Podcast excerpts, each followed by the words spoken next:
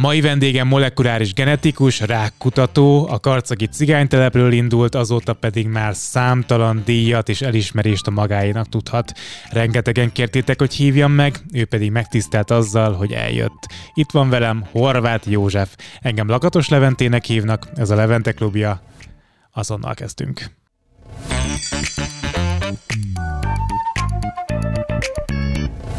Szia Józsi! Szia Levi! Ugye megbeszéltük, hogy hívhatlak Józsinak a beszélgetésben, Persze. tehát a nézőknek üzenem, akik mindenbe vele kötnek most már lassan nálam, hogy ez nem a tiszteletlenség jele, hanem ez egy leegyeztetett megszólítás a beszélgetésben. Örülök, hogy itt vagy. Nagyon sokan kérték, hogy hívjalak el téged beszélgetni a példa, példaértékű életed miatt leginkább. Köszönöm. úgyhogy, úgyhogy szerintem most sokaknak fogunk örömet okozni ezzel a beszélgetéssel. Ugye, amikor utána olvastam, meg megnézegettem a TEDx előadásodat például, meg ugye jártál Szabó Péternél egy beszélgetésem, akkor ugye a gyerekkorodtól kezdve meséltél az életedről, ahol ugye kiemelt pont volt az, hogy te a karcagi uh, cigánytelepről van, uh, indultál el az életedben, és uh, úgy fogalmaztál, hogy nem volt kövesút, nem volt szennyvízhálózat, nyomor volt és éhínség volt cserébe. Most sincs. Tényleg azóta sincs? Így van, azóta sincs. De hogy ti konkrétan nyomorban, éjségben életet, éltetek az életeteket? Ö, nem azt mondom, szegény család voltunk, tehát nem, mm, volt meg mindenünk, de nyilván az alapfeltételek meg voltak, tehát ö, azt nem mondanám, hogy nyomorban, de nagyon szegény körülmények között. Tehát tiszta rendezett házunk, udvarunk volt, de szegények voltunk ugye édesapám a TS-ben dolgozott, majd ezt követően, amikor ugye a rendszerváltás után felbomlottak a, a TS rendszerek, ugye ezek mezőgazdasági rendszerek, akkor utána pályamunkás lett a Magyar Államvasutaknál, és onnan is rokkant le.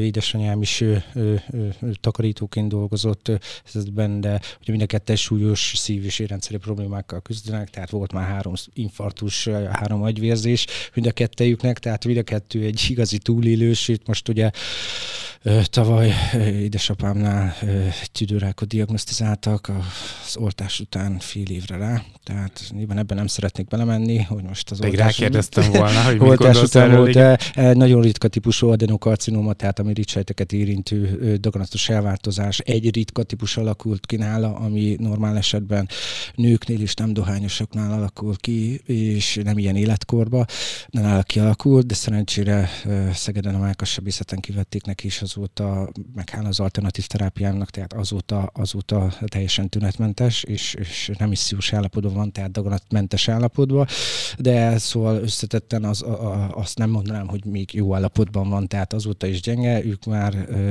ö, régóta nem tudnak dolgozni, tehát ö, ö, 15 éves korom óta én is önellátó vagyok, tehát ők már, amikor én egész fiatal voltam, ők már rokkan nyugdíjas voltak, tehát a, az évek során a feldolgozatlan dolgok, meg a, a nehéz fizikai munka, az oda vezetett, hogy lerokkantak nagyon hamar és nagyon fiatalon. Tehát már én köz még 50 éves se volt egyik sem, amikor már rokkan nyugdíjasok voltak. A te uh, élethez való hozzáállásodhoz nyilván hozzátartozott az, hogy 15 éves korodtól önellátó voltál, tehát hogy ez gondolom komolyított is rajtad, nem? Nekem, nekem nem volt igazi gyerekkorom, tehát volt egy része, amire nagyon büszke vagyok, és szeretettel gondolok vissza, meg akkor ugye nem volt se Facebook, semmilyen online tier. Csak a Dragon tudom, igen. Igen, tehát nem is volt internet, nem is tudtunk róla, a színes monitort is legelőször hatodikos koromban láttam, tehát amikor, amikor már volt technika, számítástechnika óránk, tehát itt a 98-as, 99-es, 2000-es évekről beszélünk, nekünk, nekünk nem volt. Tehát mi kimentünk a Grunra, fociztunk, el voltunk, csavarogtunk, rosszalkodtunk, mindenbe is benne voltunk, de jó volt. De viszont nekem nem adatott meg az, ami mondjuk egy, egy, egy átlag magyar gyereknek megadatik, tehát a, a normális életkor nem az, hogy 15 éves koromtól el kell kezdenem dolgozni, és már a nyakamba kell venni a világot, hogy, hogy a saját jövőmet építsem. Tehát nekünk a kirepülése sokkal korábban meg kellett, hogy történjen. Csak az érdekel engem ebben a történetben, hogy mi volt az a pont, amikor te elhatároztad azt, hogy ki akarsz ebből az egészből törni. Nyilván volt egy ilyen vágy benned, de azt is mondod, hogy nagyon rossz gyerek voltál. Tehát oké, a szorgalom az ötös volt, de magatartás kettes volt.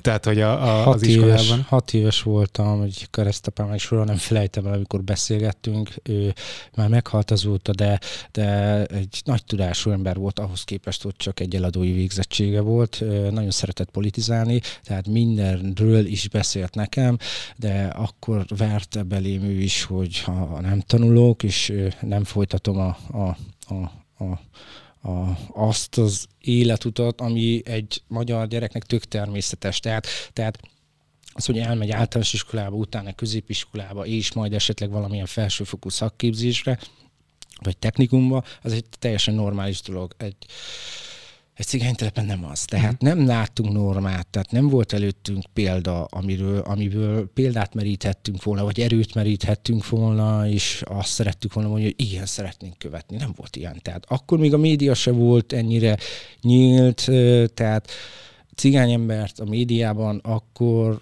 nem igazán láttunk. Tehát egy-két képviselő volt, aki, aki megszólalt a tévében, de kb. ennyi. Szóval az, hogy, hogy amit ma te is csinálsz például, hogy elhívsz engem, és ezt mondjuk országvilág látja, akkoriban nem volt. Tehát abszolút nem volt példa. És a maga ott Karcogon a cigánytelepen sem volt olyan ember például, aki, aki, akiről én tudtam volna, hogy egyáltalán érettségivel rendelkezik, nem mm. egy egyetemi diplomával. De szerinted fontos a példa? Mert ugye most is a médiában nagyjából rajtad és néhány emberen kívül azért általában azt látni, hogy a cigány emberek azok nagyhangúak, mulatozósak, leginkább zenészek, és nem igazán látni olyan példát, mint amilyen te vagy. Nyilván itt a kommunikációs beli problémák, hiányosságok is felerősítik ezt, hogy csak egy szegmensét látunk. És egyértelműen nem így van, tehát nagyon sok értelmiségi van közöttünk. Nem tudom megszámolni, hogy hány van köztük orvosok, jogászok, ügyvédek, mondjuk úgy, hogy a top szakmában lévő vagy dolgozó emberek, csak ugye nem hallatnak magukról, vagy nincs az a közeg, ahol kellene azt, hogy hangoztassa, hogy ő cigány származású. Egyáltalán lehet, hogy szóba se kerül neki. Tehát nekem se volt addig téma, hogy példakép lehessek, míg az első példakép díjamat ugye a Roma Sajtóközponttól, az Aranypándíjat 2015-ben, amikor megkaptam, akkor tudatosult bennem, hogy, hogy egy példakép lettem, és addig nekem az életutamról beszélni nem kellett. Tehát ott helyileg büszkék voltak rám, hogy tényleg milyen jó tanulmányi eredményekkel rendelkezem, meg számos egyéb versenyt megnyertem már általános iskolába, középiskolába. Tehát ezek, ezek, ezek úgy helyileg rendben voltak, és város szintjén is mindig kitüntés, kitüntetéseket kaptam a polgármestertől, de de ez így helyi szinten meg is rekedt. Tehát az, hogy mondjuk országos szinten erről beszélni, hogy így ezáltal mondjuk vagy fiataloknak eh, előadásokat, motivációs előadásokat tartani, ez, ez akkor még nem volt elérhető. Tehát ahhoz most, most teljesen jó dolog, hogy a média van, árnyoldala a médiának nagyon sok, de van egy jó oldala, ez pedig ez, hogy, hogy példát tudunk. Csak most itt ugye a felelősségvállalás, a szerepvállalás kérdésköre is ö, ö, szóba kerül, hogy ki az, aki bemeri ezt vállalni. Tehát egy ország elé kiállni is, mint ahogy te is mondtad, annak ellenére, hogy jót próbálsz adni az embereknek, számolni kell azzal, hogy bármit is teszel, mindig lesz olyan ember, aki, aki, akinek nem tetszik az, amit képviselsz, vagy ahogy csinálod, tehát mindig lesz olyan, aki keresi a, a kákán is a csomót, és bele fog kötni. Mhm. Szerinted mi az oka annak, hogy a roma fiatalok nem annyira motiváltak? A példakép hiány az oka, vagy pedig a lehetőség hiány az oka, vagy egyszerűen, egyszerűen az a sztereotípia az, az életszerű, hogy inkább a könnyebb utat választják ahhoz, hogy pénzt keressenek maguknak? Ez nem egy egyszerű kérdés. Ugye az sem mindegy, hogy a, a, az országnak melyik területét nézzük. Tehát a keleti régió fényévekkel van szakadva nyugathoz képest. A lehetőségek tárháza igazából mindenkinek adott. Ott is annak függvénye, hogy az információ áradat az, az, az, az, az, az mennyire jó az adott településen, az adott cigány önkormányzatnál. Tehát rengeteg pályázat, ösztöndíjrendszer létezik, szakkollégiumi hálózat, ugye én is tagja voltam Debrecenben, ahol mind-mind-mind a, a cigány fiatalokat, vagyis most már nem azt mondom, hogy cigány fiatalok, hanem egy, egyöntetően mondhatjuk azt, hogy nem kell annak cigánynak ö, lenni, hogy hátrányos helyzeted legyen. Tehát maga a helyzetedből adódóan hátrányokkal rendelkezel, és ezért nem lenne lehetőséged mondjuk, hogy egy egyetemet elvégez, akkor ezek a rendszerek, vagy ezek a ösztöndíjrendszerek lehetőséget biztosítanak ahhoz, ahhoz, hogy fedezzék például a kiadásokat, vagy a tandíjakat, vagy a tanszerköltséget, a bejárást, a kollégiumot, és így tovább. Tehát, tehát mondhatom azt, hogy a lehetőség megvan, több mentor kellene, az biztos, tehát nem csak példakép, az egy jó dolog, hogy én megmutatom, hogy na, én ezt elértem, az mind szép és jó, de nem elegendő. Tehát oda, oda a legnagyobb feladatokat, vagy a legnagyobb részét a történetben a mentorok képezik. Tehát azok a szakemberek, akik, akik segítik, és minden körülmény nélkül, minden előítélet nélkül azon vannak, hogy a hátrányos helyzetű fiatalat kiemeljék. Tehát nekem is ilyen mentorom volt számos, az összes tanárom, aki, akivel kapcsolatban voltam, ilyen mentorom volt, ő, ő nélkülük sem sikerült volna. Tehát a mentoroknak iszonyat nagy szerepe van. De mentor nem csak tanár lehet, hanem akár hozzátartozó barát, aki, aki, aki szó szerint, mintha egy szánkóra ráültetnének, és húzna. És akkor is húz, hogyha nincs hó, pedig nem csúszna. De azért csinálja, hogy előre juss a célodba. Tehát ilyen emberek nélkül nagyon nehéz. Ahogy kutattam utána, láttam, hogy te is zenetagozatos voltál. Igen. Mi, miért erre indultál el? Mi volt ennek az oka? Ö, hi, ö, Tudsz énekelni, zenélni igazából?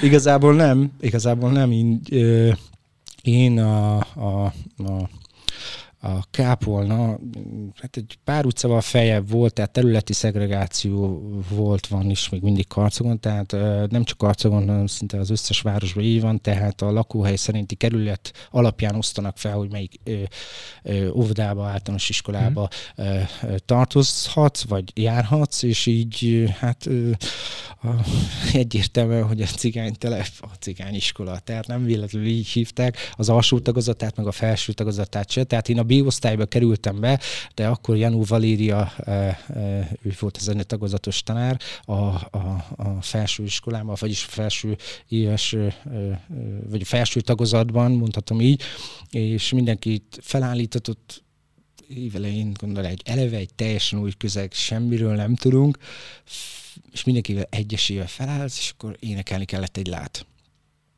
és akkor kicsit olyan, tudod, olyan, olyan jellege volt, mint a, mint a, a, a lágerekben. Most bocsánat a, a csúnya a, a hasonlatért, de egy kicsit ilyen, és ő, ő, ő, ő próbálta összerakni a kórust. Aha. Nem volt elegendő, és akkor mindent ö, ö, osztályba bement, meg, megnézte azt, hogy ki az, akit tisztán, önmagától, semmi képzettség nélkül egy ö, ö, lát ki tud énekelni. Jó hallás. Igen, igen, igen. És aki ki tud énekelni, na, az ment az Z-osztályba, és akkor így lett a, a vegyes Z-osztály.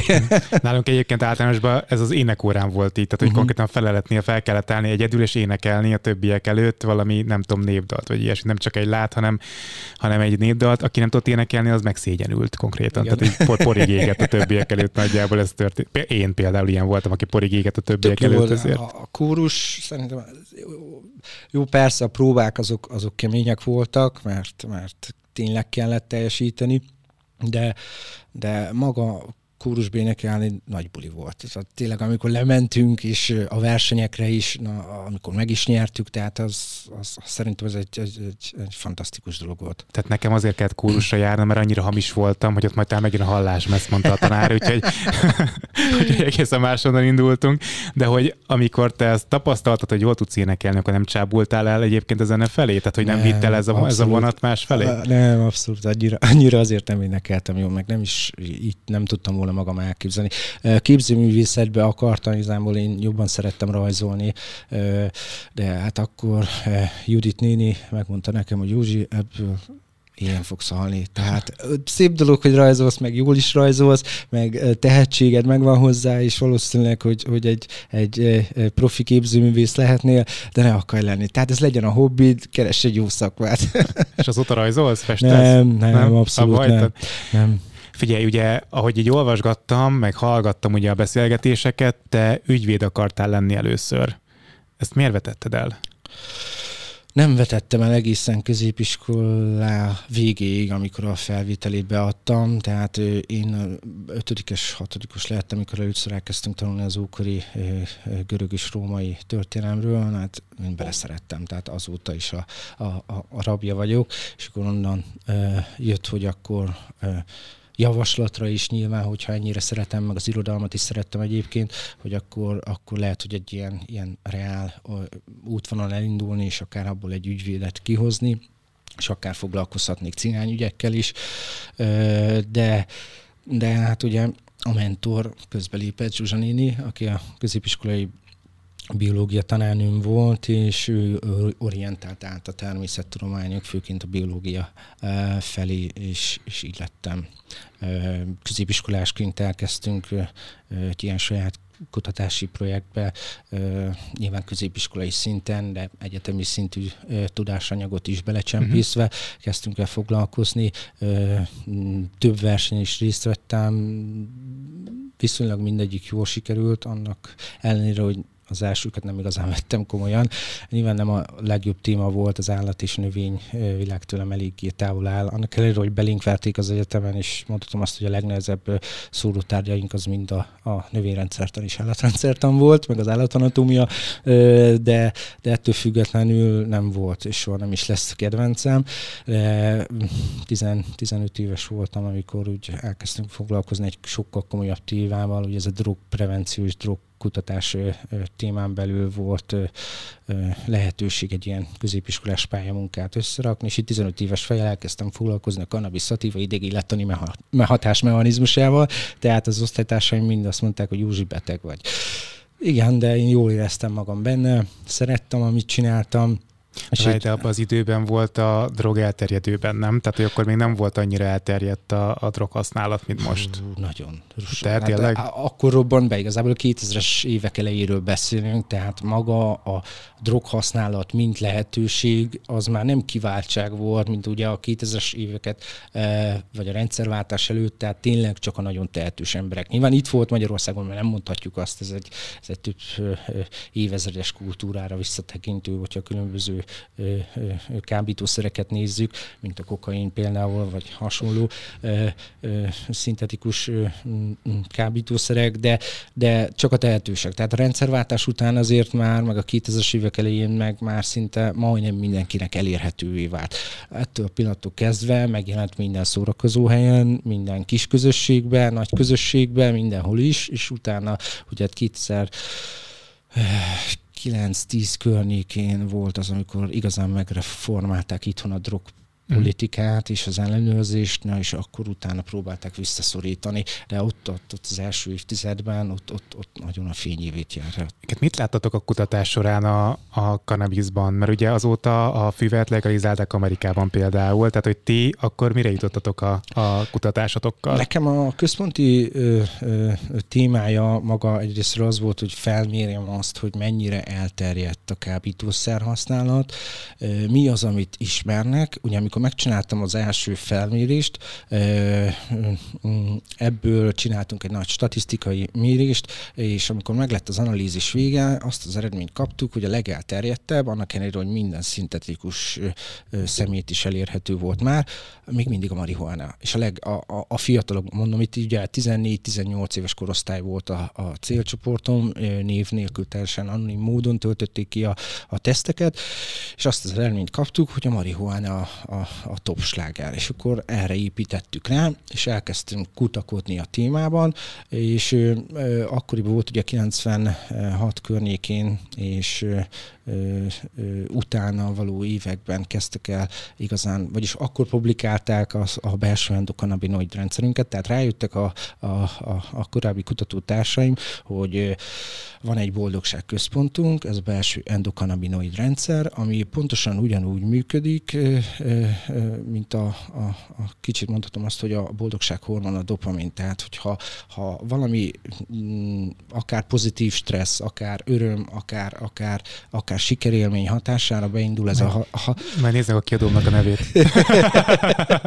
akár, akár ez a, ez a sikerélmény, nem csak dopamin felszabadulása okozza az örömet, hanem rájöttek kutatók, hogy van egy saját kis rendszerünk, ami ugyanúgy működik, mintha elszívnál egy füves cigit, de nem okoz ö, ö, pszichok, nem, nem ö, pszichoaktív hatás, tehát tudott módosító hatás nincs. És ugye a későbbiekben jöttek rá, hogy ez miért nem. Ugye a cannabis növényben ö, több mint 130 féle fitokannabinoid van, ugye a növényi eredetű ö, ö, hatóanyagokat nevezzük így, ebből egyetlen egy, amit eddig ismerünk, ami pszichoaktív tudatmódosító hatással bír, ugye ez a THC vagy delta, delta tetrahidrokannabinol, kannabinol, és ugye azért először nem tudtuk, hogy miért történik ez a pszichoaktív, és miért csak annak a vegyület hatására. Végül rájöttek, hogy az agyunkban lévő CB1 receptorhoz bekapcsolódó. A receptor ez egy olyan, a sejtet, hogyha elképzeled, akkor olyan, mint egy tükörtojás mhm. adott, uh-huh. amit megsütsz. Uh-huh ha meg tudsz, te meg tudsz csak. Nem, meg tudok, igen, egy tükörtért azért az nem fog ki rajtam, igen. és ha egy picit megégeted a, a, a szélét, akkor látod, hogy ott az a barnás kis réteg ott uh-huh. van. Mhm. Tehát az a, azt vegyük úgy, hogy az a sejtfal, vagy a kettős ö, ö, ö, membrán réteg, foszfolipid ö, réteg, és ugye azokban ülnek egy csomó dolog. Köztük receptorok is. A receptorok olyanok, mint a házon az antennák. Tehát ha van, te vagy mondjuk a telekom hálózat, sugárzod a jelet, és akkor mindegyik házon van egy antenna, és te vagy a fű, te mindenkinek megmondod, hogy mit csinálj. Hát ki más lenne a fő, hogyha nem van. Kiküldöl a jeleket, mi vesszük, és az alapján cselekszünk. Tehát uh-huh. nyilván cselekszünk, tehát megnézzük az adást, ha szeretnénk. Ha nem szeretnénk, akkor is megnézzük, mert nincsen mert opció. Így, van, így van. Tehát maximum kikapcsolod. Ha kikapcsolod, az azt jelenti, hogy már nem élsz. Meghalt el, igen. Így van a sejt e, e, e, esetében, de normál esetben így működnek a receptorok. Tehát e, ez egy adóvevő funkció, amivel kommunikálnak a sejtek egymás között, és kapják az információt, meg kapják az az utasításokat. Tehát ehhez a receptorhoz tud bekapcsolódni a THC, egyedül a THC. És mivel ez a bekapcsolódás folyamata, tehát a THC az azt jelenti, hogy be tud kapcsolódni egy receptorhoz, hogy pont ugyanúgy néz ki, tehát a kulcál elmélet alapján csak oda tud, más nem tud, csak ő. Tehát hiába jön a másik molekula, nem tud, nem illeszkedik uh-huh. bele. Tehát olyan, mint a dominó, vagy a kirakó, bocsánat. És csak Tehát az, az passzol. Csak értem. az passzol.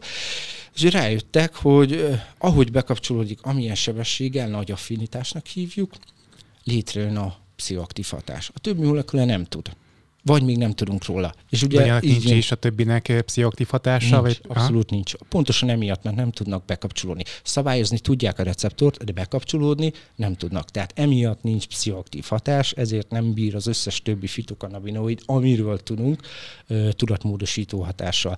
Tehát ezt a rendszert, ugye ezt az endokannabinoid rendszert 96-ban már publikálták, és azt követően egy nagyon sok egyéb publikáció köztük például itt a, a, a Szigony utcában, ugye az agykutató központban Freud Tamás, Hallert, József kutatók, neves kutatók, ugye agykutatók, akik foglalkoztak az endokannabinoid rendszerrel, meg a CB1, CB2 receptorral, és ugye ezeknek a működését, hatásmechanizmusát, tehát mit, hogyan, hol szabályoz és miért, ezeket próbálták úgymond kideríteni, ugye állatkísérleteken, állatmodelleken keresztül, főként patkányokat használva, tehát mesterségesen létrehozott, mielőtt bárki belekötne, tehát ezek állatmodellek, és nem szenvednek, mm. és ez, ez mesterséges úton létrehozott, tehát nem Isten által lett teremtve, tehát mesterségesen ki, kizárólag a, kísérletezés nem szenvednek. Tehát ezt fontos hangsúlyozni és ezen,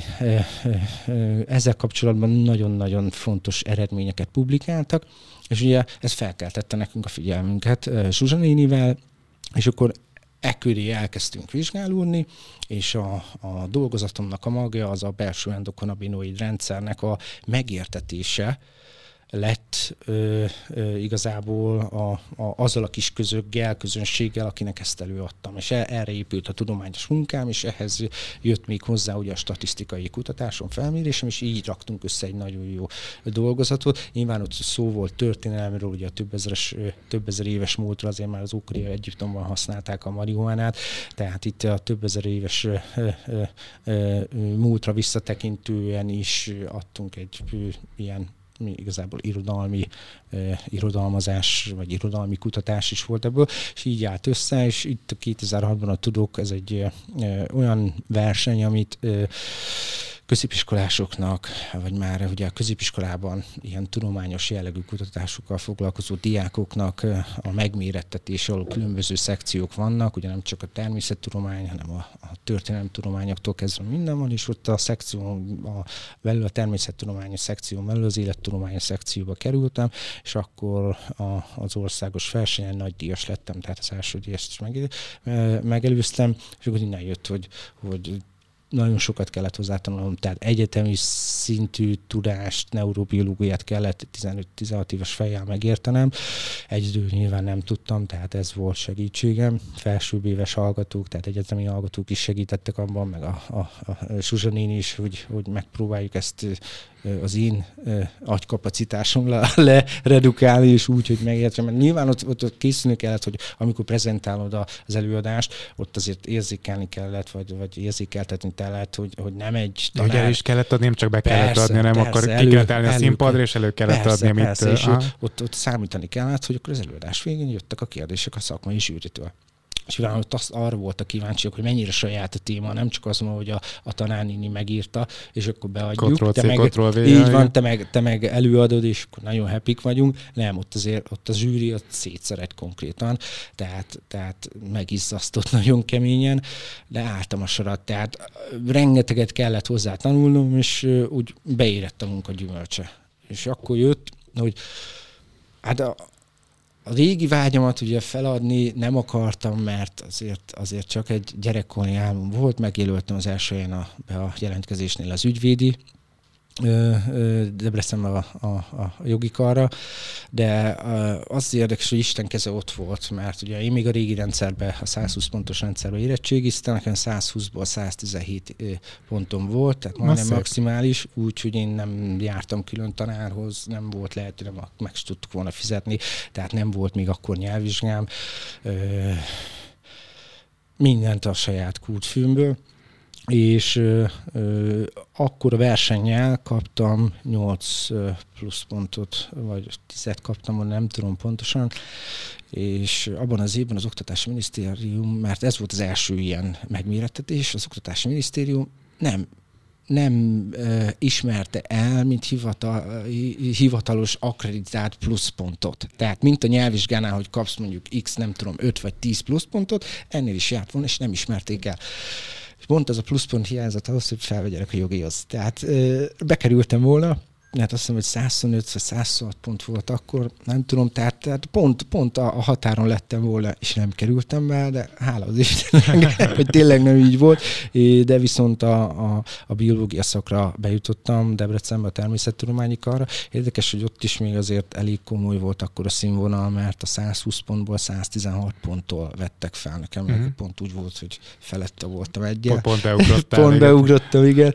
Ö, ö, hát kemény volt azért, ugye katedrál. Én már Zsuzsa néni minket azért bevitte, mert akkor csinálta ő a, a, a, a tanári diplomáját még, külön is bevitt minket néha az egyetemre megmutatta, de úgy konkrétan élesbe, hogy ott ül a katedrán minden a hallgató és ott a tanár, az, az, az még nem volt, és akkor az első előadáson soha nem felejtem, állatanatómia volt, beültem több mint 220 diák közé, egyedüli cigányként, első pacsorban, mert nem volt sehol hely, az úgy, fú, az, mert az adrenalin fent volt, és magam, úristen, mit keresel itt? Semmi keresni valód itt túl ez a... De volt egyébként a félelmennek alapja? Tehát neked valaha is beszóltak-e miatt, hogy cigányként mit keres az egyetemen? Nem, az soha nem. Tehát ott, ez, ott, ott, ott, ott a, a, nagyon kellem. Nekem a Debreceni Egyetem egy nagyon kellemes csalódás volt. Jó, persze volt néhány idióta, aki, aki már bocsánat, hogy így mondom, aki éreztette velem, nyilván nem merte kimondani a fizikum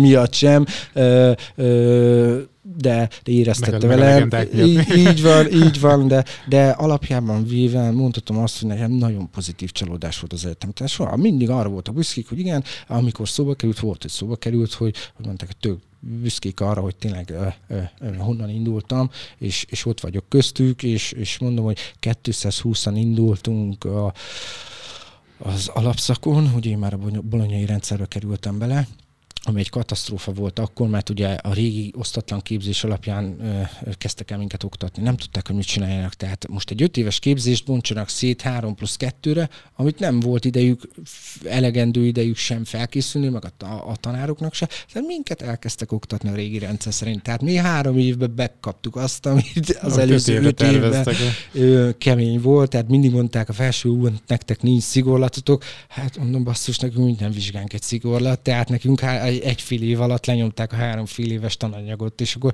tudod, amennyit a tanár el tudott mondani az előadáson, oké, okay, a többit, a könyvből, ja. itt van ez a könyv, ez a könyv, ez a könyv, tehát úgy kezdtük a irodalom, és akkor ilyen stróc köteg, főleg anatómiához emlékszett, a három anatómia könyvünk az így volt, és akkor nekünk egy fél év alatt így, így letoltuk.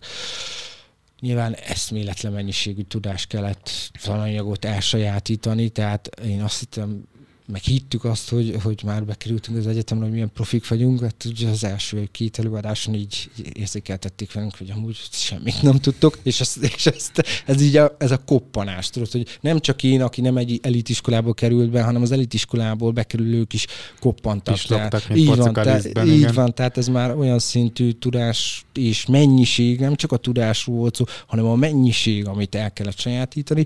Tehát 220-an indultunk, a végén időben 45 vagy körülbelül 50 hallgató volt az, aki elvégezte időben, mert mindenki csúszott. Tehát ott, ott egymás épülő tantárgyaink voltak, és ha első félében nem teljesítetted, akkor csúsztál, csúsztál, és akkor mindenki tovább. egy évet, igen, és akkor húztad magad után mindig a szórótárgyakat, és vagy sikerült befejezni időben, vagy nem én még emlékszek, hogy vizsga, uh, ugye záróvizsga előtt egy héttel még, még, még vizsgáznom kellett, hogy az a kreditem, a pont a kreditszám meg legyen. De azért látom, hogy élvezted, látom Igen, rajtad, azért nagyon ezt jó volt, nagyon, jó, nagyon jó volt. Meg kellett tanulni ugye magát a, a, a, a, a tanulási szokásaimat át kellett reformálni, adaptálódnom kellett ahhoz, hogy milyen is, a, amikor egy ilyen közegbe e, nagy mennyiségű tananyagot gyorsan be tudj magadba szívni, aztán lehet, hogy a 90%-át elfelejtesz, hogy biztos, amit nem használsz.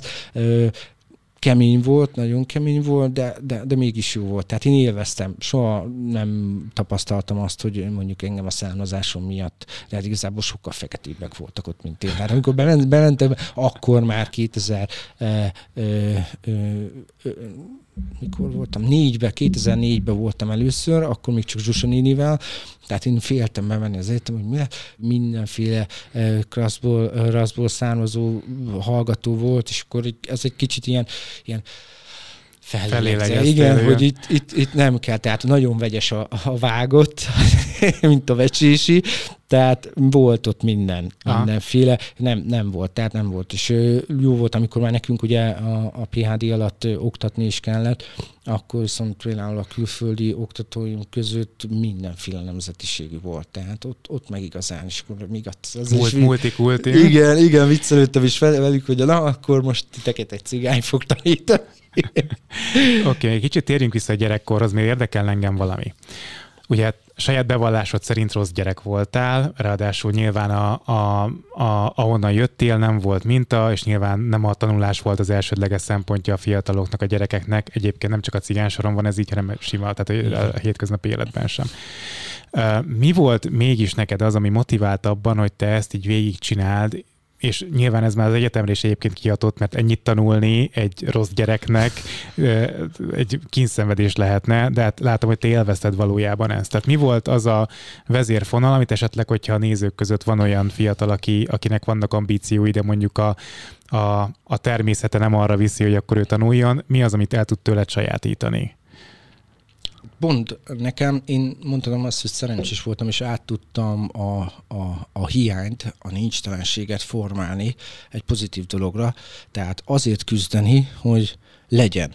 Tehát itt szó szerint egy kicsit azt mondhatom, hogy a, mint az éhezők fiadala. Tehát a túlélésért küzdesz, és túlélés lehetősége, hogy kikerül, hogy megnyerd a versenyt, mint az éhezők videódalában is volt. Ugye itt hogy megnyerd a versenyt, ahhoz végzettséget kell szerezned. Tehát, Tehát csak azért is? Csak azért is. Tehát benne már, már ilyen 6 éves koromban kialakult az a tudat, hogy igen, csak azért is, és egy kicsit úgy a, a úgymond a többségi társadalom, vagy magyar emberek, ez egy hülye megfogalmazás, tudom, hogy cigány és nem cigány, vagy többségi társadalom és kisebbség.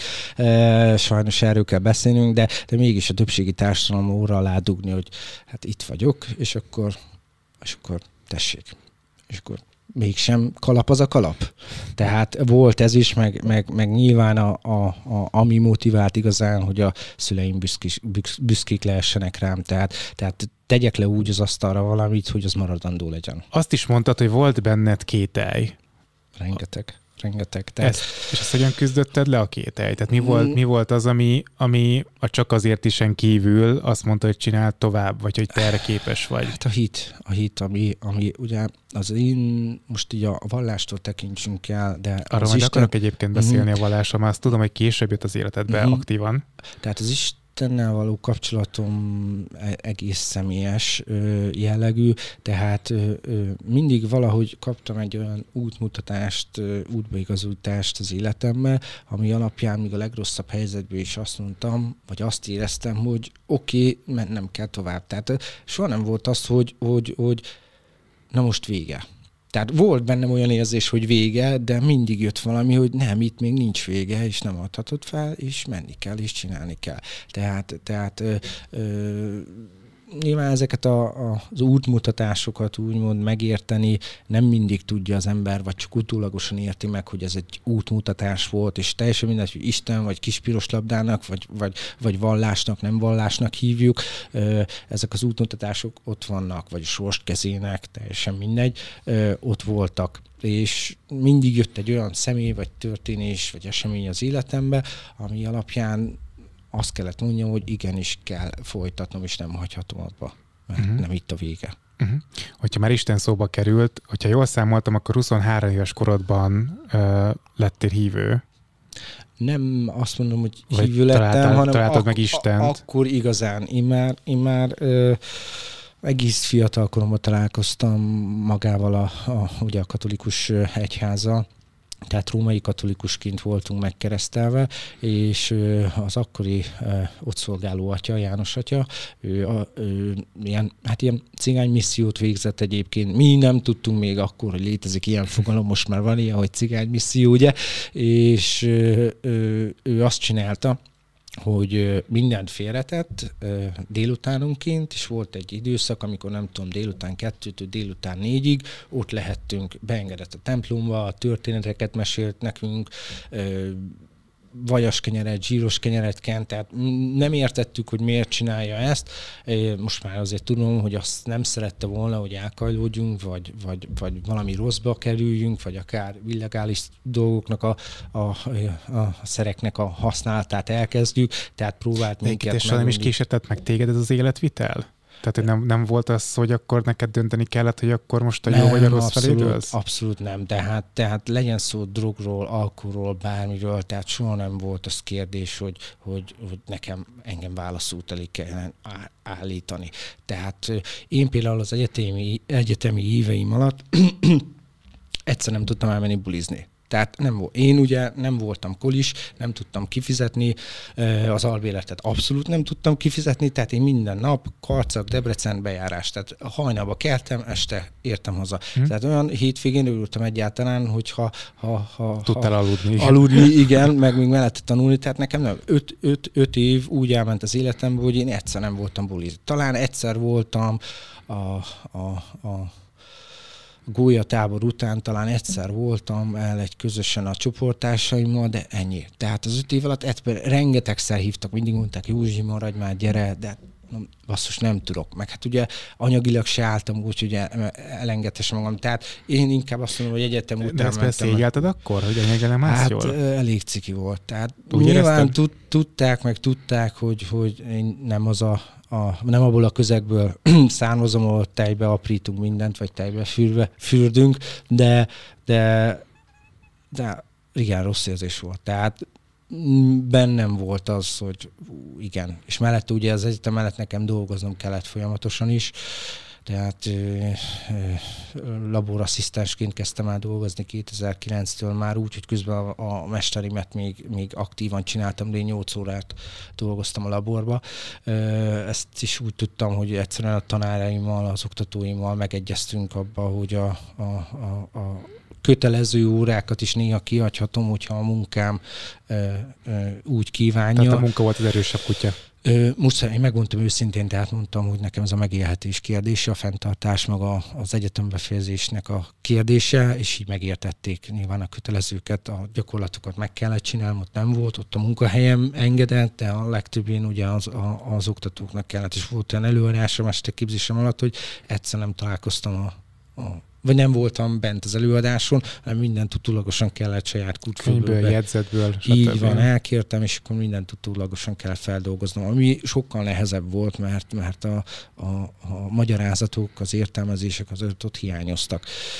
De meg, meg tudtam csinálni, nem baromi nehéz volt a mesterképzés, sem így sokkal nehezebb volt, mint az alapképzés. Nyilván nem volt egyszerű, rossz volt, rossz volt, mert nem ilyen sorsra vágyik egyik gyerek sem, tehát, tehát a pont a legjobb időszak, amikor, amikor az egyetem és a bulizás, meg a, a minden, e, e, az amerikai Pitesz című film, ugye, pont, pont azt sugalja. Stiffer mamája is így van, így van, így van, tehát, tehát nekem ez abszolút kimaradt. Ami rossz volt, mert rossz volt, de, de utána már, amikor egyetemen túl voltam, nyilván már volt rá lehetőségem, de az meg nem olyan. Tehát az az idő akkor kell megélni. Az és már, ez, az már a borozós nyugis időszak. Így van, tehát, tehát ez mindig ott lesz az ember életében, amikor valami hiányosság, vagy érzelmi sérülés van, az mindig rányomja az embernek a, az életére a bélyegét.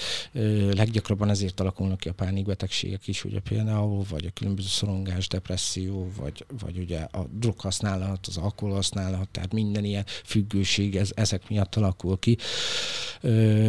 Rányomja a bélyegét, itt nem volt egyszerű. Tehát, tehát visszakanyarodva Istenhez, a, az életemben már ott volt egész fiatalon, ugye János atya által, tehát én, aki a képzőművészetet már akkor is imádta, tehát a római katolikus templom, hogy vonatkoztassunk el, hogy mennyire jó az egyház, vagy nem, de maga a templomok, azok szerintem a leges, legcsodálatosabb alkotások, amiket én nem vagyok Mária imádó, tehát bocsánat, ha így bele kell menni. Én nem bálványokhoz imádkozom, de akkor is, hogyha bemész, azok a freskók, azok a gyönyörű faltmestmények, tehát a, a templomba baromi hideg volt, szétfagytuk, mindenünk átfagyott, de ott ülni a hideg lócán és nézni a képeket, meg ugye akkor még nem tudtuk, hogy miért vannak keresztre feszített ember, borda köztvérzés, meg ilyenek, tehát nem Tiszta értettük. Horror. Igen, igen, aztán, aztán ugye a, a Biblia külön adott bibliórák, amit a János Atya adott nekünk, azáltal megértettük, és úgy az, az, az nagyon jó volt. De igazán az életemben, amikor a szakkoliba bekerültem Debrecenbe, úgy az a Váli István református cigány szakkollégium, igazából itt ez egy speciális szegregáció, amit mondtam a lehetőségek között is, ugye, tehát itt konkrétan lehetőséget, ösztöndíjat, lakhatást adnak a cigány fiataloknak, azoknak, akik felsőoktatásban tanulnak, tehát felsőfokú szakképzés, főiskola, egyetem, vagy pedig a doktori képzés és ugye itt, itt van egy külön képzési rendszer, külön órák vannak, hétvégék, külön képzések, külön kurzusok, amiket ugyanúgy el kell végezni, tehát ez nem az van, hogy csak ingyen odaadják, tehát ezért keményen meg kell dolgozni, tanulni kellett ott is, egy külön képzési rendszernek e, tényleg olyan, mint a főszakirányod mellett egy alszakirányt megcsinálna.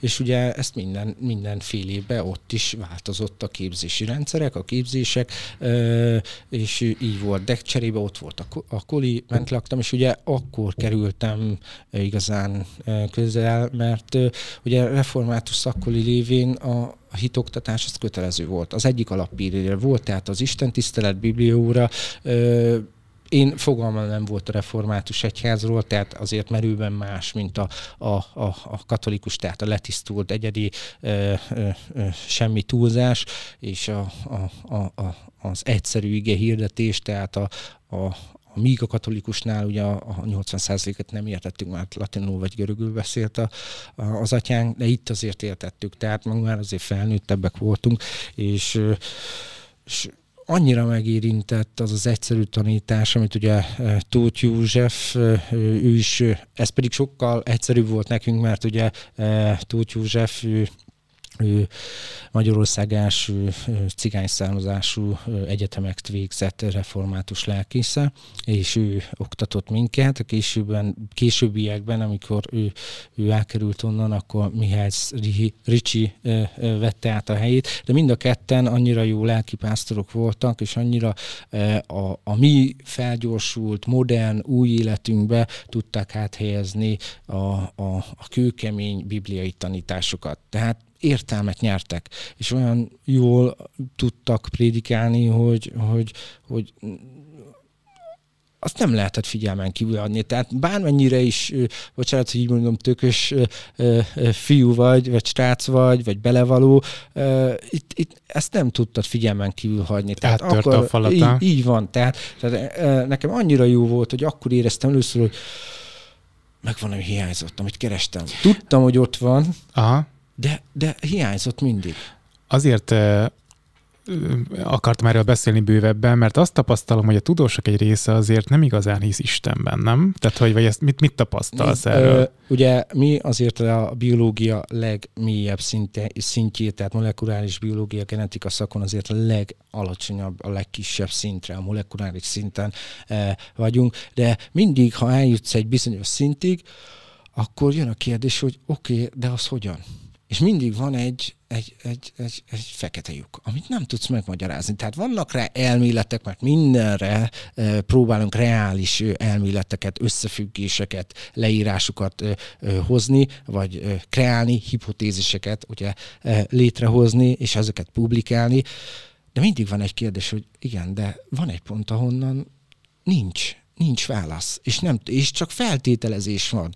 És ö, szerintem nem lehet, ugye Einstein is ö, ö, megmondta, tehát ö, a kettő összefügg, tehát a, a, a, a tudomány ugyanúgy összefügg a, a vallással, és a vallás ugyanúgy összefügg a, a, a, a, a tudományjal, és kettő egymást nem zárhatja ki. Tehát itt harmóniába kell az egyensúlyt megtalálni, és megérteni azt, hogy van egy szint, a, amit az emberi elme már nem képes felfogni. És ez, ez az a természet feletti szint. Tehát én ö, természetesen ugyanúgy hiszek, én, tudom, hogy van evolúció, tehát ha megnézzük, fejlődünk nyilván, de én a teremtést nem tudom kizárni. Tehát ilyen szinten én, hogy erre az oldalra, vagy erre az oldalra, tehát el kell fogadni az egyensúlyt. Én próbáltam ezt az egyensúlyt fenntartani, és fenn is tartom, tehát nekem ez az álláspontom.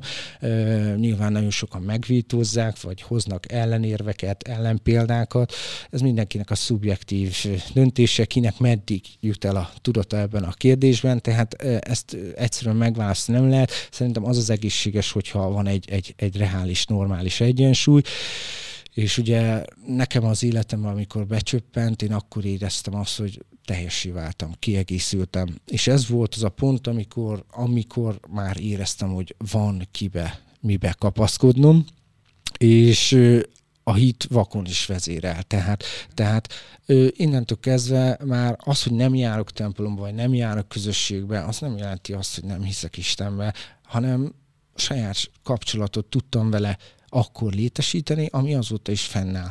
Tehát ö, ö, lehet, hogy nem megyek el minden vasárnap, és nem is tudok elmenni a templomba. Ö, ö, lehet, hogy nem hirdetem Isten igéjét mindenhol, de a szívemben ott van, és nekem egy olyan erős kapcsolatot ad, hogy tudom, hogy a, a legnehezebb helyzetből is ő, ő tud csak kihozni. Tehát nincs alternatív megoldás, hanem ő tud. Hiába a tudomány embere vagyok, tehát ö, van egy szint, ameddig igen, meg lehet magyarázni racionális érvekkel, vagy lehet azt mondani, hogy tudok előre jelez, jelezni, prediktálni akármit, ha már a daganatról beszélünk, ugye amikor megkérdezik, hogy és akkor mennyi van hátra, akkor ugye a statisztika alapján az adott betegségnél, az adott daganatnál, az adott stádiumban, az adott össz beteg szám, ami van ott, vagy elérhető, vagy, vagy a, az adott orvos fejében van, az alapján tud mondani egy számot. De Igazából, szerinted kell mondani ilyenkor? Nem, nem szabad. Tehát ez is, ez is egy olyan kérdés, amire nem tudsz. Én azt mondom, hogy nem szabad, én soha nem szoktam ilyet, tehát attól függetlenül, mert ugye ott van Isten keze. És soha nem tudhatod, hogy, hogy volt olyan, akinek hat, hat hónapot adtak, és ért tovább három-négy csodálatos évet. De nyilván arra három-négy évre rányomta a bélyegét. Tehát, tehát ez nehéz, nyilván az orvos hivatásból végzi, hivatásból csinálja, neki ez a kötelessége, ezt el kell fogadni, lehet ezt finoman tálalni is, nem mindenki szokta. Néha az onkológia tényleg olyan, mint a vágóhíd, én sajnálom. Miért választottad egyébként a rákkutatás, mint olyat? Ö, amikor elkerültem Debrecenbe, én nagy reményeket fűztem ahhoz, hogy, hogy tudom folytatni a cannabis témát, vagyis nem is a cannabis témát, hanem a, neurobiológia témát. Ö, nem tudtam. Ugye ahhoz Szegedre vagy Pestre kellett volna e, e, lemennem, vagy felmennem, ami, ami nekem az akkori e, e, lehetőségeimhez mérten lehetetlen volt. Tehát azt, hogy én bekerüljek Szegedre, nem is a felvételi pontszámai alapján, hanem egyszerűen nem tettem meg magamnak. Tehát nem lett volna rá lehetőségem. Szeged és Pest ugye nagyon erős neurobiológiával, nagyon szerettem volna ide Frajt Tamásik és Haller Józsiiknak a kutató laborjába bekerülni. Csodálatos lett volna, nem volt rá lehetőségem. Így maradt Debrecen. Tehát Debrecen pedig sok egyéb szempontból, vagy egyéb szegmenséből a biológiának volt erősebb, és ugye az egyik ilyen a genetika volt, és így a, a mesterképzésem alatt inkább ugye a molekuláris biológia, genetika szakinájra e, mentem át, ami, ami ugye ilyen fejlődés, biológia, immunológia, tehát ezeket a tudományokat egy hajszám választja le egymástól, de általában összemosódnak. Tehát nagyon sok az átfedés, tehát minden ilyen molekuláris dolgot, nagyjából egy kalapba lehet tenni, csak szűkebb körre osztani őket, vagy specifikusan felosztani, és így jött az, hogy akkor, akkor molekuláris szinten maradunk, mert azt szerettem volna, nem szerettem volna állatokkal, növényekkel foglalkozni, és a, a genetika pedig inkább azt mondom, hogy az olyan eredetű betegségek érdekeltek, kezdtek el érdekelni, abszolút nem gyógyítható, vagy nagyon ritka, nem gyógyíthatóak, ugye érdekelt, hogy miért, és miért nincs megoldás. És ugye a, a rák is az egyik ilyen, meg hát ugye én, én is érintett voltam, tehát nekem volt egy jó indulatú adenómám itt, hogyha megnézed a vágyat, oh. mm-hmm egy éves sem lehettem, és az akkori házi orvosunk, gyerekházi orvosunk, hogyha nem vesz időbe, nekem ez az adenóma elnyomja a, a, a légcsívemet is megfulladok. Tehát már egy éves koromban megműtettek ez egy jó indulatú daganat volt, de, de már itt a, a kezdetnél a téma adott volt. Így indultál neki? Így indultam neki. Egyébként ez genetikailag megjósolható? Tehát, hogy az, hogy most neked volt egy ilyen problémád, az édesapádnak volt a daganata, tehát, hogy ez egyébként valamennyire meg, előrejelezhető? Meg, meg ugye ez a precíziós onkológiának hívjuk, vagy személyre szabott onkológiának, ahol konkrétan a te genetikai állományodat térképezik fel, tehát ezek ugye DNS szekvenálásnak hívjuk, ez mit jelent magyarul? Ugye a Human Genome Projekt, ez valamikor a 2000-es évek elején indult el, ott az volt a cél, hogy feltérképezik a, a, a genetikai kódunkat, tehát ugye ami, ami, ami a DNS esetében ugye négy kódból áll, ugye az adenin, timin, és citozin, guanin, és ugye ezek párban vannak. És az alapján, hogy... Mondhattál volna bármit elhinném. Így, így van, tehát egy A betű, T betű, C betű, G betű, és ezek ugye párban vannak, és a, a kettős spirál, ahogy jön, abban vannak ezek a kis kódok. És ugye nagyjából átfedő a genetikai, minden, ha a rasszokat nézzük úgy általában a világszinten, akkor úgy nagyjából átfedő a dénes szerkezetünk. Vannak különbözőségek természetesen a sorrendben, az összetételben, ez, alapja, ez adja igazából a a különbözőséget köztünk. Tehát mind genotípus, ugye maga a gének szintjén, mind külső jegyek alapján, tehát ez a fenotípus. Tehát ez a különbség vagy az a nagyon pici százaléknyi különbség tesz minket egyedivé egymástól. Azon belül, hogy egy fajba tartozunk, de mégis ö, ö, ö, ö, különbözőségű ö, van. Tehát ö, az alapján, hogy a te egyedi kódodat megfejtik, vagy megfejtenék, az alapján lehet a, a, a, a már eddig ismert, úgymond olyan potenciális célpontokat megvizsgálni, amit ha mondjuk Mondok egy példát, hogy van előtted mondjuk 700 darab gén, amit tudod, hogyha a 700 darab génből ö, ö, bármelyik hibás vagy rossz rossz a, a sorrend benne, ugye a szekvencia, a, ezt nevezük mutációnak, ugye többféle mutáció létezik, hogy mondjuk felcserélődik egy bázispár, be ékelődik, ugye inzerció, vagy kiesik, delíció, és akkor ez alapján különböztetünk meg mutációkat. Tehát, tehát hogyha ott megvan, hogy neked az adott génnél van bármiféle mutációd, a, a változás, akkor azzal lehet előrejelezni, hogy hát Levi, lehet, hogy ki fog neked alakulni. Mondjuk biztosan nem tudom, hogy hallottad-e, hogy például Angelina Jolie miért vetette le a mhm. mellét. Mm. Ugye? Igen, de azt is hallottam, hogy ez egy viszonylag drága eljárás, nem? Nagyon drága. Tehát mm, nem csak az, hogy drága, rendkívül szakértelmet igényel, tehát maga a, a, a DNS szekvenálás, ez egy rutin molekuláris biológiai technika, az új generációs szekvenálások is most már, tehát ezeket is oktatják. Akkor jött be például nekem a mesterképzésem alatt, hogy a 2009-es tízes években robbant be az új generációs szekvenálás, ami konkrétan még előtte ugyanúgy, mint a régi számítógépeknél, a régi IBM nagy egy, egy, egy, egy, egy, szobát elfoglalt, most már itt a telefon a kezedbe, tehát ez is ugyanúgy történt az evolúciója a DNS szekvenálásnak, tehát most már egy, egy akkora gépet képzelj el, mint egy, egy Turmix gép. Tehát ott van előtten, és azt mondják, hogy mi ez Turmix? De közben DNS szekvenál, tehát, tehát már olyan szinten van a fejlődés a molekuláris biológiai technikák terén is, hogy, hogy ennyire kompakt, egyszerű, gyors, és ugye nem igényel szakmai, nagy szakmai hozzáértés. Tehát, miért drága? Azért, mert egyrészt nagyon érzékeny technika, a reagensek, az összetevők hozzák drága, illetve amiért drága igazán nem csak ez a része, hanem az, ami, ami a, a, a, a know-how, tehát a, tehát a, a tudás. gyártónak a, a... Egy része, a másik mm. része pedig az analízist végző szakembernek a tudását megfizetni. Tehát ezek, a, ezek ez, ez már egy nagyon speciális része a molekuláris biológiának, amikor ilyen jellegű analíziseket végzel. Tehát ehhez, ehhez... Csak ezzel elég jól meg lehetne előzni betegségeket. Így nem? van, így van. Tehát, tehát ö, sőt, nem csak betegségeket, hanem ugye egyáltalán azt is kimutatható lenne, hogy például az adott kemoterápia egyáltalán működne esetedben. Tehát nem biztos, hogy lehet azt mondani, hogy Levi, azt mondanám neked, hogy itt a kemoterápia, nem tudom, hogy fog-e használni, nem tudom, hogy ö, ö, mennyi mellékhatásod lesz, de vagy ha azt mondanám, melyik a kegyesebb, nyilván ezt neked kell eldönteni, hogy Levi, nem tudunk adni kezelést, itt van ez a kemoterápia, de a vizsgálat alapján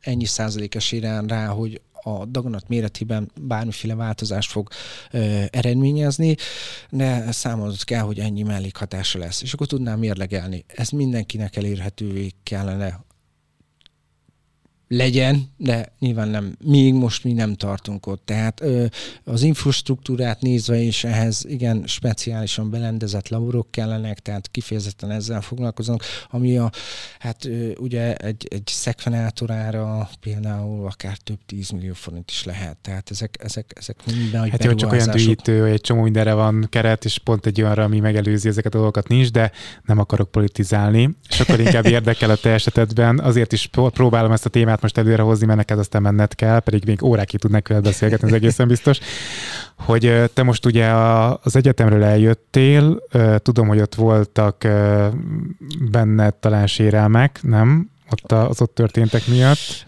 Nem, hát megmondom őszintén, nem szépen váltunk el a, a témavezetőmmel, tehát uh, itt uh, az történt konkrétan, hogy ugye elkezdtem foglalkozni, a, a PhD képzésem, maga a képzést befejeztem, nekem már csak a védés hiányzott. Uh, 2013-16 között ugye három év alatt én befejeztem, hogy a PHD képzés alatt is voltak kurzusaim, vizsgáim, ezeket mind megcsináltam, minden kreditet megszereztem. Meg volt az első, ugye két publikáció kell, egy első szerzős, meg egy társszerzős, tehát az első szerzős az a cikk, amit a te írsz konkrétan a témavezetőddel, illetve a társszerzős pedig az, hogy részt veszel egy kutatásban, és az adott vizsgálati részt azt te végzed, és ahhoz összeáll egy több kutatóból egy cikk, kutatási eredményből egy cikk és ugye a társzerző cikkem az nem lett meg sokáig, nagyon sokáig. Én mindennel az a társzerző cikkemnek a, a vizsgálati eredményeivel is kész voltam már 16-17-re, tehát minden meg volt, és eltelt körülbelül 5 év mire meg lett. És ugye, hát, mint te is mondtad, nekem is van egy, egy kedves zaklatom, akinek nevét nem mondanám most ki. Zaklató. Akkor történt az egész, fura, nekem már nem volt akkor kapcsolatom a tivazető, már vártam, hogy elfogadják a, a, a, a társszerzős cikket, és akkor utána megvan a szigorlat, egybe és a vizsga. A, maga a doktori dolgozatom magját is megírtam, tehát ott, ott, ott már nem sok minden hiányzott volna, hogy, hogy összerakjuk és ö, elkezdtem, én ugye közben kikerültem a PHD ösztöndíj rendszerből, ami eleve nem volt nagy összeg, tehát havi 100 forintot kaptunk, és nem dolgozhattunk mellette. Ahogy kikerültem a PHD és a posztdoktori, ö, ö, vagy bocsánat, pre-doktor, tehát a, a, a doktori előtti ösztöndíj rendszerből, akkor nekem el kellett kezdenem dolgozni. Tehát én a barátommal kezdtem el foglalkozni, vagy ö, ö, dolgozni, és fejlesztéseket ö, végezni, ö, majd ö, ö, ugye 2017-ben visszakerült az életembe a cannabis mégis Isten által, és így kezdtem el foglalkozni a különböző cannabis alapú kivonatokkal, mind komplementer és alternatív terápiák a, a, az onkológiába beintegrálva, tehát azon dolgoztam és dolgozok is, hogy el, itthon is elfogadott lehessen. Tehát ugye a CBD olajokról beszélünk, így van, illetve van. Van, vannak különböző gyógygombás készítmények is, amiket forgalmaztok. Ö, igen, az már saját, tehát minden saját fejlesztés, ezek saját termékek, és ugye nekem az elsődleges célom az, az volt, hogy, hogy egyrésztről minőségi, megbízható ö, ö, terméket tudjak adni az engem megkereső betegeknek, és a másik része, hogy személyre szabottan be tudjam állítani az alkalmazást, az agolódást, úgy, hogy az állandó gyógyszerekkel, illetve az egyéb onkológiai kezelésekkel vagy beavatkozásokkal semmiféle negatív kölcsönhatás, vagy gyógyszerkölcsönhatás, tehát hatás és gyógyszerkölcsönhatás ne legyen.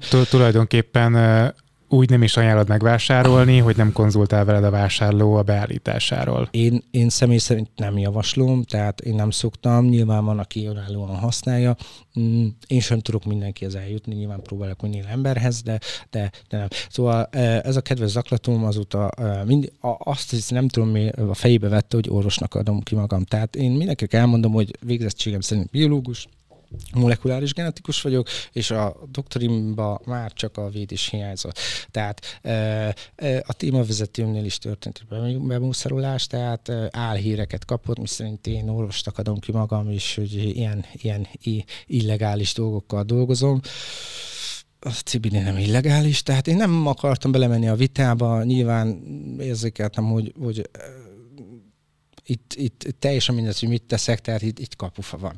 És úgy voltam vele, hogy nekem már van itt egy berendezett rendszerem, egy jól működő rendszerem, a fizetésem is sokkal több volt, mint itt Magyarországon, hogy én már akkor kikerültem Ausztriába, és akkor mondtam, hogy hát akkor köszönöm, hogyha ezen múlik a doktori cím, akkor itt van, tessék, tartsátok meg. Egy zaklató miatt bukott az egész? Hát nyilván ezt nem mondhatom ki egyértelműen, de volt, mert ugye a tímvezetőm azt mondta, hogy, hogy orvos, és azt látni kell, hogy neki például a menye és a fia is orvos, tehát de ő pedig ott vannak Debrecenben. Tehát ott, ott, ott, ott volt valami kavarás. Engem nem is érdekel, mert nem ez a lényeg, de a, a hölgy az a mai napig zaklat. Tehát most már olyan szinten van, hogy, hogy, hogy nem, én, ugye én én letiltom. Tehát emitál a, az, e-maileket is, tehát minden ö, csatornán most már azokat az embereket zaklatja, akik véletlenül azt mondják nekem, hogy doktor úr. És ugye a laikus embernek... Doktor úr. és akkor ugye a laikus ember nem tud különbséget tenni az onkológus kutató között, tehát ö, én mindenkinek elmondom, aki megkeres engem, sőt, ott a Facebookon is fel van tüntetve, hogy, hogy ugye én angol nyelven használom a Facebookot, tehát scientist, Magyarra fordítva kutató egyébként lenne, de a, a Facebook úgy használja, hogy tudós. Volt, aki ebbe is belekötött, csak szólok. és akkor tehát kutatóként ott van, van egy leírás rólam, ki vagyok, bemutatkozás. Soha nincs az, hogy orvos vagyok. Akárki megkeres, tehát erre élő példa vagy ott az e-mail aláírásom, igaz, egyértelműen látszik, hogy Horváth József molekuláris genetikus. És elmagyaráztam a hölgynek, hogy nem vagyok orvos. Egy teljesen legális készítménnyel dolgozom, sőt, saját készítményekkel dolgozom, sőt, a saját cégemmel dolgozom, sőt, nem Magyarországról dolgozom, tehát könyörgöm, mi a problémája? És tehát ilyen szintig eljut, sajnos van nagyon sok beteg ember. Hát ezt az apropóján szerettem volna elmondani, hogy, hogy ö, ö, terveztem én már egy élőbe jelentkezést is ezzel kapcsolatban, ezt rájöttem, nem tudom, hogy ére ennyit az egész, most legalább így, így remélem hozzá. És csak ez annyira szomorú, hogy Igen. éveken keresztül tanultál, kitörtél, nem tudom, és akkor egy, egy kvázi rossz akaró zaklatásának köszönhetően az, a, a, a a fej, fejéknél. Nézd, én őszinte vagyok, én tudtam, hogy amikor belekezdek a CBD történetbe, az megosztó lesz. Megosztó lesz, ugye úttörője vagyok Magyarországon, tehát előttem így, mint végzett szakember, nem igazán sem kutató, sem orvos nem dolgozott vele úgy, hogy konkrétan itt a, a palliatív terápia lenne a cél, tehát az, hogy a tüneteket, mellékhatásokat csökkentjük vele. Tehát nekem ez a fő célom a készítménye, és ilyen célú kutatás nem volt. Ugye más jellegű kutatások voltak, de az sem sok elenyésző, tehát a, a legnevesebb, amit ki, ki tudtam emelni, ugye Haller Józsik és Frajt Tamásik eredményei, nem, más nagyon nem volt. Tehát, tehát ö, én, amit tapasztaltam vele, amikor 2017-ben én segítettem egy kislánynak, hogy egy hónap alatt eltűnt mindenféle tünete mellékhatása, ami a kemoterápia és a sugárterápia utóhatás volt, és egy négy éves kislányról beszélünk, és még a, a, a daganat is eltűnt, tehát akkor mondtam, hogy ebben egy óriási potenciál van, hogy miért ne lehetne azt, hogy, hogy akkor segítsük vele a betegeket. Tehát én tudom, hogy mennyire kötöttek a, a az onkológiai protokollok, és nyilván ezért nem szabad az orvosokat hibáztatni, mert a protokolltól ő nem térhet el, tehát őt, őt ezért elő is vehetik. Tehát nyilván az, hogy saját felelősségre megengedi -e neki, az már az orvosnak az egyéni döntése, vagy hogy mennyire, mennyire jó szívű, úgymond, vagy mennyire nagy rá, lát, vagy van egy általán rálátása erre az alternatív terápiára, hanem nyilván nincs rálátásom, akkor vagy utána nézek, veszem a fáradtságot, de a legtöbb nem, és csuklóból el, el, elutasítják. Tehát itt, itt vannak azért, azért buktatói a történetnek, tehát én tudtam azt, hogy nagyon sokan meg fognak ezért engem támadni. Én meg azt mondtam, hogy akkor itt vagyok, gyertek. Isten velem kijelen, tudod, mint a Bibliában. Tehát de én ugye a, vele. a CBD-nek ugye van fájdalomcsillapító hatása Igen. egyrészt, ezt tudom, de mi van benne még, ami mondjuk a, a rákos sejtekre hatással van? Ugye, mint az elején mondtam, amit ugye az endokannabinoid rendszerről, tehát azt, azt ott nem fejeztem el. Tehát van egy saját boldogság központod, ami ugyanúgy történik, ami, ami a, a mintha elszívnál egy füves cigit. Sőt, tovább megyek, hogy van a szervezetünkben két olyan, ugye ez a kettő arakhidenil glicerol és az anandamid, ami pontosan a THC és a CBD molekuláknak a mimikri. A mimikri az azt jelenti, hogy utánozni. Tehát a biológiában a mimikri az valami, például ugye a kaméleon felveszi a színét, hogy beleolvadjon. A mimikri az pontosan így működik a, a, a, belső endokannabinoidoknál, meg a fitokannabinoidoknál. Tehát a megfelelője egymásnak, azzal a kitétellel, hogy itt nincs ugye tudatmódosító hatás, de, de mégis, tehát van a, a, a, a szervezetünkben egy ilyen rendszer, akkor most mindegy, hogy evolúcióról beszélünk, vagy Istenről, véletlenül van ez a az a szervezetünkbe. De akkor megvezeti a sejteket? Nem, maga a, a, a, a fitokannabinoidok közül ugye már többnek is van ismert. Azon kívül, hogy a, ha a palliatív részét nézzük, tehát a tünetek és mellékhatások kezelése, ami például képes csökkenteni a CBD-á, mondjuk a, a, ez, a Persze, ez, ez tök, tök igen, jó, meg hasznos, de igen. a leghasznosabb része nem ez nyilván. Ö, és ö, ugye maga a, a, a daganat ellenes és átítképződés meg a hadályozó hatása, az nagyon összetett, komp komplex, és még nem is tudunk belőle sok mindent. Ugye, ugye mint, ahogy meséltem neked, ezek a jelátviteli útvonalak, tehát az antennák hogyan kommunikálnak egymással, és ugye milyen útvonalon keresztül, tehát hogy jutsz el A-ból B-be, hogy a, az A-ból elvidd a B-be lévő ö, ö, ö, ö, embernek az információt, hogyha így mondanám. Tehát e, ö, ö, ezek az útvonalak ö, például ugye a daganatos sejtben megváltozhatnak, vagy ezek az útvonalak ö, előnyt tehetnek arra, ezáltal a daganatos sejt előnyt lehet arra, hogy, hogy még agresszívabban, még gyorsabban osztódjon. De hogyha ezeket például ezeket a jelátviteli útvonalakat, vagy különböző receptorokat, ugye az antennákat le tudjuk kátolni, vagy meg tudjuk kátolni, akkor elérhetjük azt is akár, hogy a daganatos sejt ne tudjon tovább osztódni, vagy megrekedjen az osztódása, sőt elérni azt, hogy eh, beinduljon az apoptózis folyamata, ami ugye a természetes sejthalál. Tehát nem tud osztódni a sejt, nem tud magával mit kezdeni, így meghal. És ugye az újfajta onkológiai terápiák, ugye ezek a célzott terápiáknak nevezzük, pontosan ezen a hatásmechanizmuson vagy elven működnek, tehát egyrésztből konkrét receptort tud gátolni. Ilyen például ugye a, a például a herceptin, ami van a sejt felszínén, az az EGFR e receptornak hívjuk, ez az epidermális növekedési faktor receptor, és ebbe e, ez, a, ez az antitest terápia, ez be tud illeszkedni, tehát ö, ö, oda illik a kulcszár elmélet, amit magyaráztam, és ezáltal le tudja gátolni például a receptor működését, és ha a receptor nem működik, és például ott van egy EGFR pozitivitás, annál a daganat akkor, akkor az olyan, mintha az autódban nem lenne üzemanyag. Hiába indítod, nem fog menni. Tehát, hogyha nem tudsz üzemanyagot hozni sehonnan, mert mondjuk a sivatagban vagy, akkor ott maradsz ez ugyanígy működik, tehát ö, ö, van. A másik pedig, hogy, hogy ahhoz, hogy a sejtosztódás folyamata, ami ugye egy ilyen ciklikus folyamat egyébként, de ahhoz, hogy ö, sikeresen végbe menjen a sejtosztódás folyamata, ahhoz kellene különböző jelátviteli útvonalak, és ha mondjuk te azt mondod, hogy eljutnál A-ból B-be, ezen az egyenes útvonalon, de ide teszek egy barikádot, meg ide is teszek egy barikádot, meg oda is. Akkor átugrom. És nem tudod. Te egyszerűen, ha nem tudod, Mert olyan magas. Ott, igen, akkor ott rekedsz, ugye. Mm. És ha ott rekedsz, akkor nincs tovább.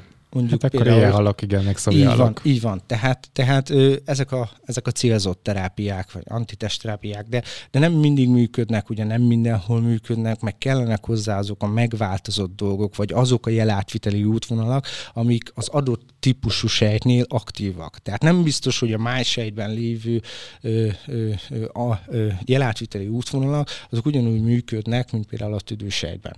Tehát ö, ott azért vannak különbözőségek, illetve hogyha van előnyös mutáció, tehát az az előnyösen változott meg a génetnek a szerkezete, és mondjuk ez alapján tudunk célba venni valamit rajta, de vannak hátrányos mutációk, tehát hogyha ha egészséges szerkezetű lenne a gén, nem lenne benne változás, akkor az adott terápia működne. De hogyha van benne változás, akkor pont az például, hogy a változás azon a helyen történik, azon az antennán, ami átformálja az antennának a szerkezetét, és már nem tud belemenni, nem illeszkedik, tehát nem fejt kihatást. Tehát, tehát igen, és ugye most már azért 2020 óta tényleg több mint 20 ezer publikáció jelent meg a, a, a maga a cannabis növényel kapcsolatban, és különböző illettani hatásaival, illetve az összes ö, olyan molekula, amiket ö, ismerünk, és azokból is a legfontosabbakat, ugye a THC, a CBD, a CBD, CBG, CBN, CBC, amiket úgy legjobban ismerünk. Ezekkel kapcsolatban számos, nem csak a daganat esetében, hanem egyéb betegségek, például a Parkinson, autizmus, ADHD, egyéb autoimmunbetegségek esetében is, vagy gyulladásos megbetegedések esetében is, ugye számos publikáció jelent meg, és nem mondom azt, hogy nagyon jól értjük, kezdjük kapiskálni, hogy a különböző folyamatokban hol tud be, beavatkozni úgy a különböző hatóanyag a kendernövényből, nem csak egy hatóanyagról kell beszélnünk, hanem többről is, hogyan tud beavatkozni úgy, hogy elérje azt akár, hogy a daganatos sejt elpusztuljon. Ha el tudja, mert ugye itt is szóval jön, hogy ugye a te genetikát más, mint az enyém, a te receptorhálózatot, készletet más, mint az enyém, a te receptor szerkezeted más, mint az enyém, tehát hasonlítunk, de mégsem.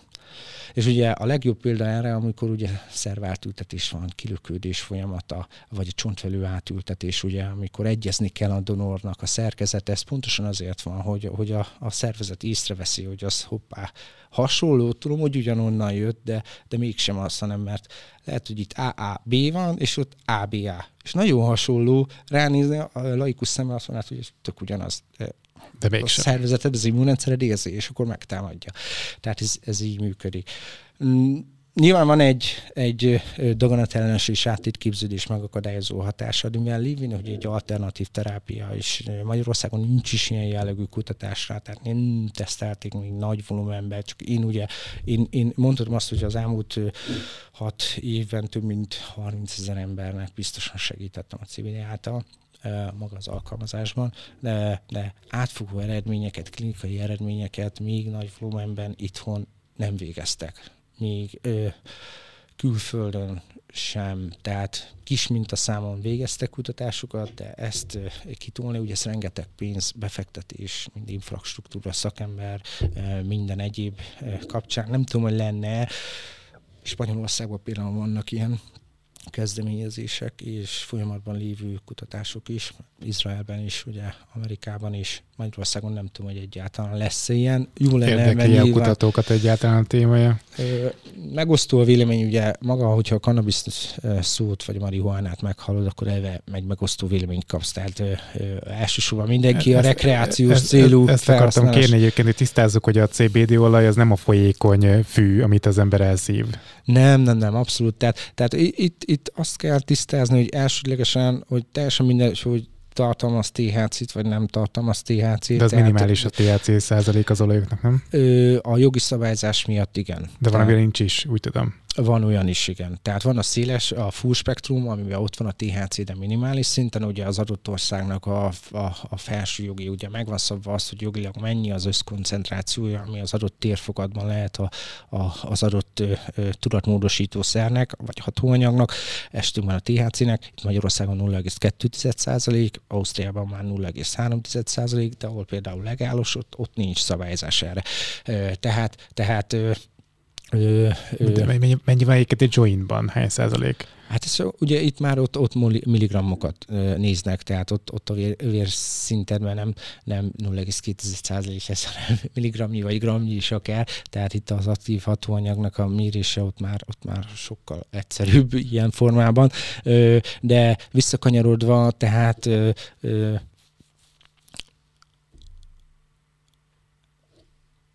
megoszlik a vélemény, ugye nincs információ, itt is ez a probléma, amit az elején mondtam a, a, az ösztöndi rendszereknél, hogy itt is az a probléma, hogy nincs megfelelő információ, reális információ átadó az embereknek, és ugye a THC, vagy a marihuana, vagy a fű, egyből a rekreációs cél jut eszünkbe, tehát az, amikor elmegyünk bulizni, beszívunk, jól el vagyunk, vagy akár otthon lazulunk. Igen, igen, vagy otthon lazulunk, és sajnos az emberek többségének a tudatában ez a jelleg van meg. Tehát az orvosi felhasználása Magyarországon nagyon nem volt ismert. Tehát akkor ugye van a, a, a, a Magyar Orvosi Cannabis Egyesület, akik ugye próbálnak törekvéseket arra, hogy minél több emberhez juttass juttassák el az információt, amit tényleg tök jó, amit, amit ö, csinálnak, de ö, ezen felül ö, így, hogy átfogó szakmai hálózat erre kiépülve nincs. Tehát az egyetemi oktatási rendszerben nincs. Tehát még nem vagyunk azon a szinten, hogy mint ahogy például Amerikában is, hogy, hogy igenis, hogy a, aki kemoterápiában részesül, és tudjuk, hogy hány inger, hányás, étvágytalanság, alvás problémák, és itt tovább vannak, akkor ő megkapja az előre jointot. Tehát akkor, dobozban... tehát akkor a joint is valójában akkor ilyen hatást fej ki, mint, a, mint a, az olaj? Van, mert ugye a, attól függetlenül, hogy milyen formában szívod el, ez teljesen független, ott ugye, ott ami függhet, hogy mennyi abból a hasznosult hatóanyag. Tehát ugye, e, e, amikor elszívod, égeted, akkor ott ugye figyelembe kell venni azt, hogy az égés miatt, ugye a magas hőfok miatt, hogy, az, hogy szennyezőanyag az egy, egy dolog, de hogy az aktív hatóanyagok is károsodnak. De nyilván, nyilván vaporizátorral, vagy például elszívva sokkal koncentráltabb és azonnali hatás volt. De van ugye az olajformája, a süti formája, nagyon sok minden formája lehet. Itt mindig a hatékonysága a felszívódáson, a hasznosuláson múlik. Kivéve az, amikor ugye rekreációs célból használhat, tehát ott konkrétan az a cél, hogy beállj, ott nem érdekel, hogy mennyi a hatóanyag, csak hanem azonnal üssön. De itt, itt, itt, itt más a történet. Tehát visszakanyarodva nincs hálózat, nem nincs felvilágosítás, megfelelő információra az, állam, az emberek felé, tehát, tehát igazából amikor megkeres, azt tudja, mit jelent kannabiszolaj.